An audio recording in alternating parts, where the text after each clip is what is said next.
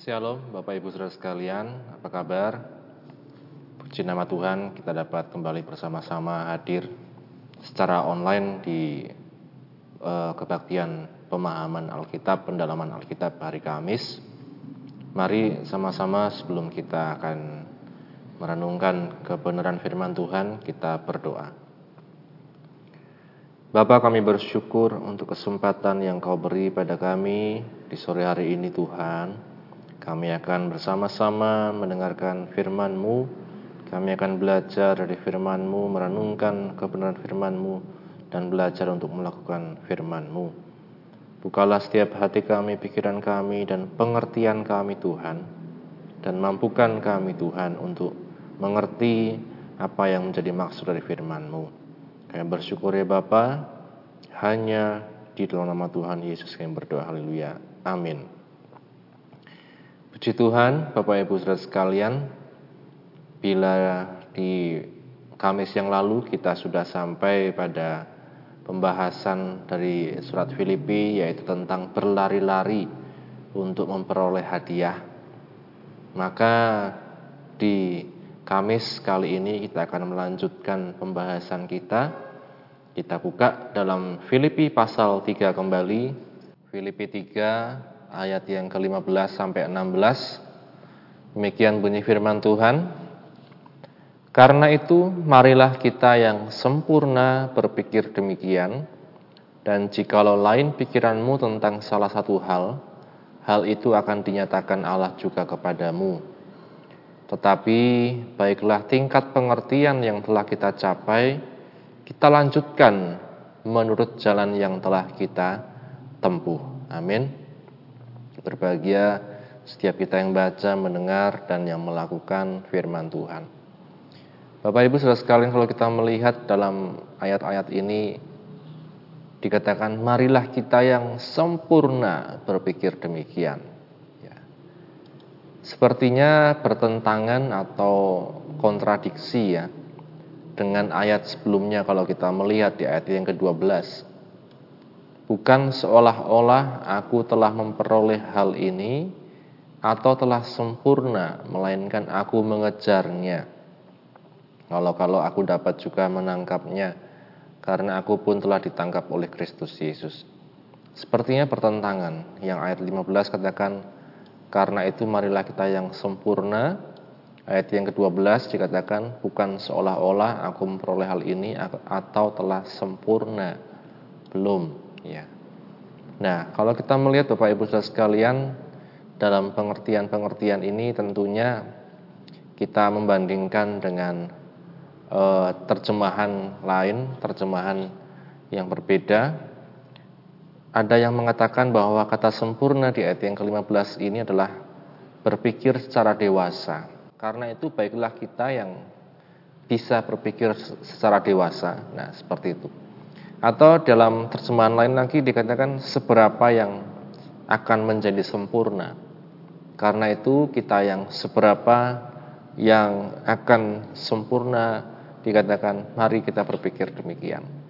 Jadi dari terjemahan-terjemahan ini kita melihat Bapak Ibu Saudara sekalian bahwa ada satu pengertian kesempurnaan ini bukan tentang apa yang bisa kita lakukan tanpa salah sama sekali, kita bisa lakukan hukum Taurat tanpa salah seperti Rasul Paulus katakan justru dianggap itu sebagai sampah.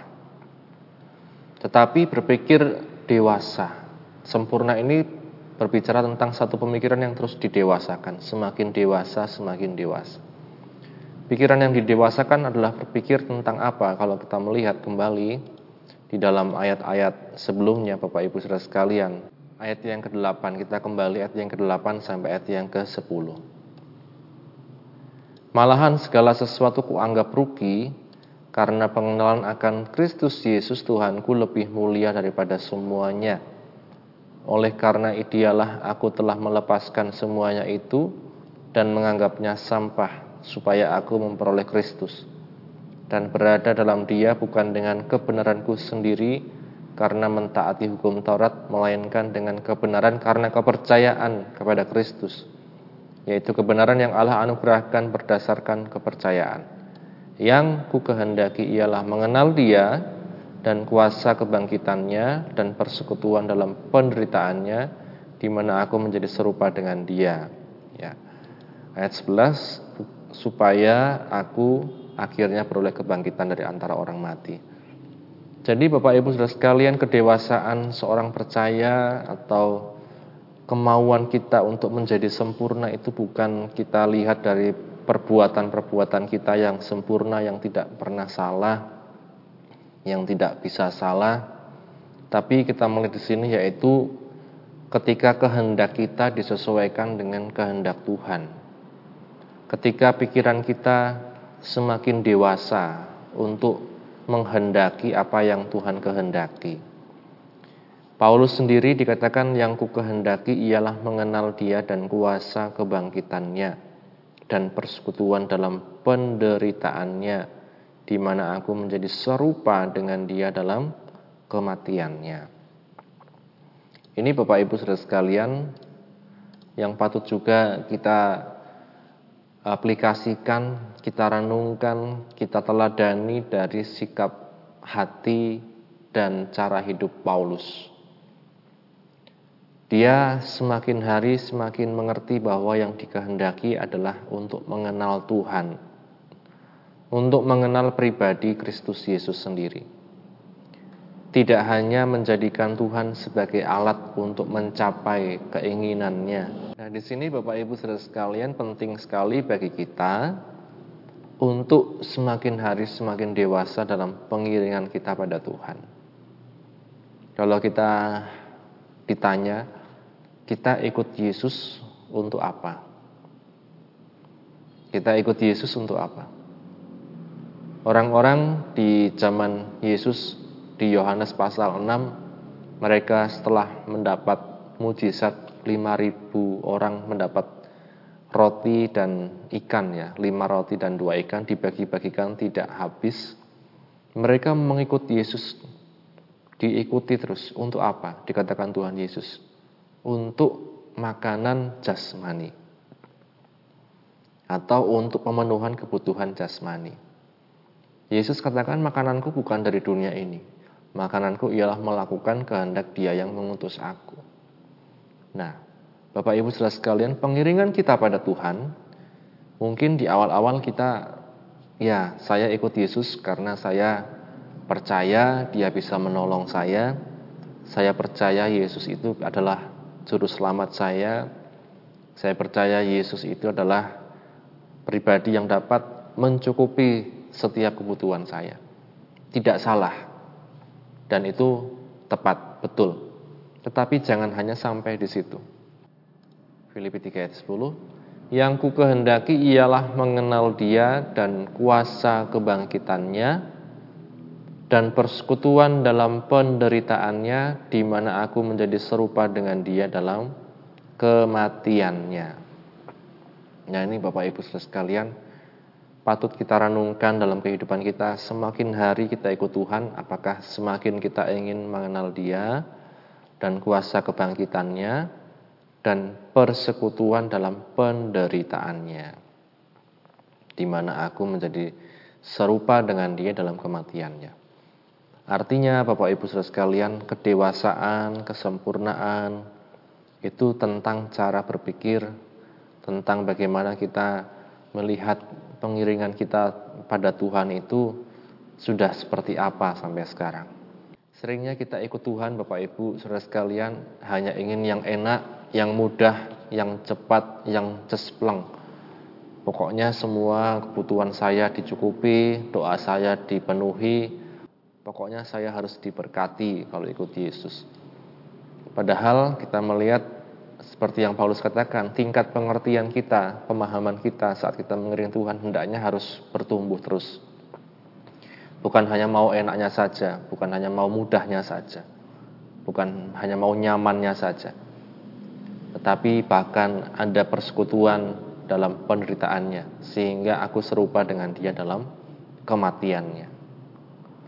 Artinya bukan sekedar hal-hal yang mudah, tetapi hal-hal yang tidak mudah, hal-hal yang tidak nyaman, bisa kita alami saat kita mengiring Yesus menyangkal diri, pikul salib ya untuk mengikut Tuhan. Ini yang kadang dilupakan oleh umat Tuhan. Karena apa? Tingkat pengertian, pemahaman. Meskipun mungkin ada di firman Tuhan, kita tidak mau untuk mereken, untuk uh, memahami hal itu.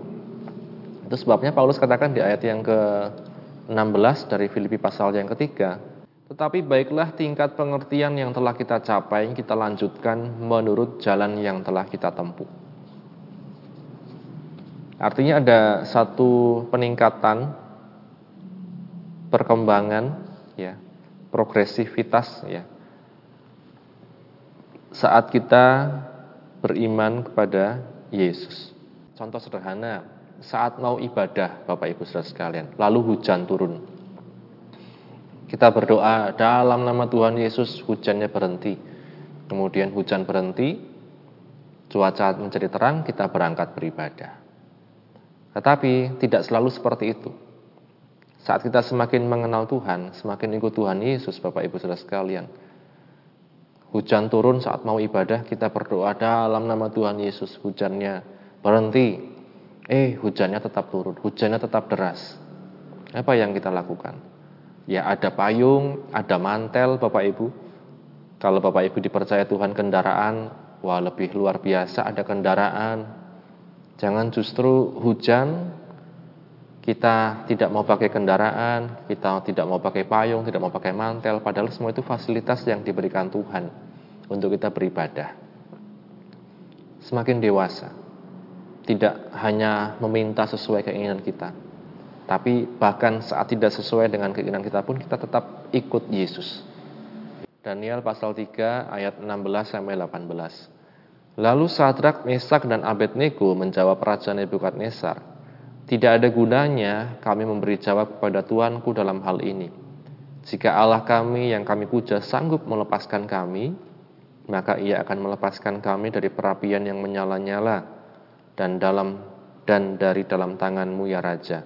Tetapi seandainya tidak, hendaklah Tuanku mengetahui, ya Raja, bahwa kami tidak akan memuja dewa Tuanku dan tidak akan menyembah patung emas yang Tuanku dirikan itu iman yang tidak hanya uh, ada saat kondisi nyaman, saat doa dijawab Tuhan, saat mujizat terjadi, tetapi bahkan saat seandainya tidak, kata Sadrak Mesak Abednego, hendaklah Tuanku mengetahui bahwa kami tidak akan memuja dewa Tuanku dan tidak akan menyembah patung emas yang Tuanku dirikan itu. Artinya mereka tetap uh, memuja Allah Israel, ya Artinya mereka tetap mengikut Tuhan sampai kapan pun.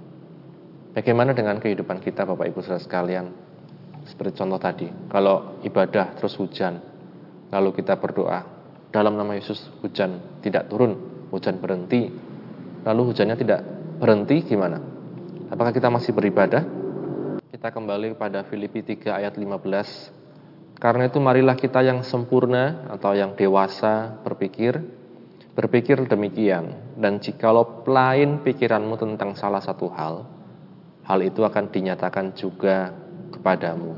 Hal itu akan dinyatakan Allah juga kepadamu.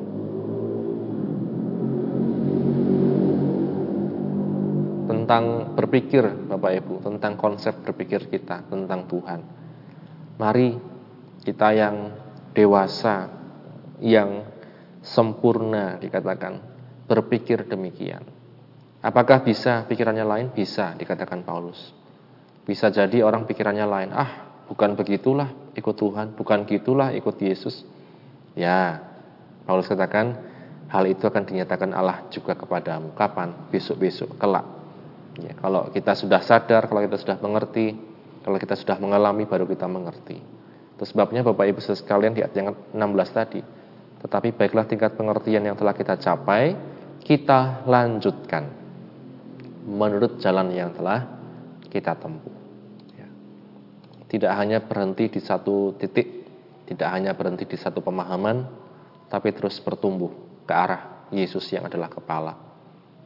Mengerti, mengenal Dia, kuasa kebangkitannya, persekutuan dalam penderitaannya, sehingga serupa dengan Dia dalam kematiannya, supaya nanti aku beroleh kebangkitan dari antara orang mati.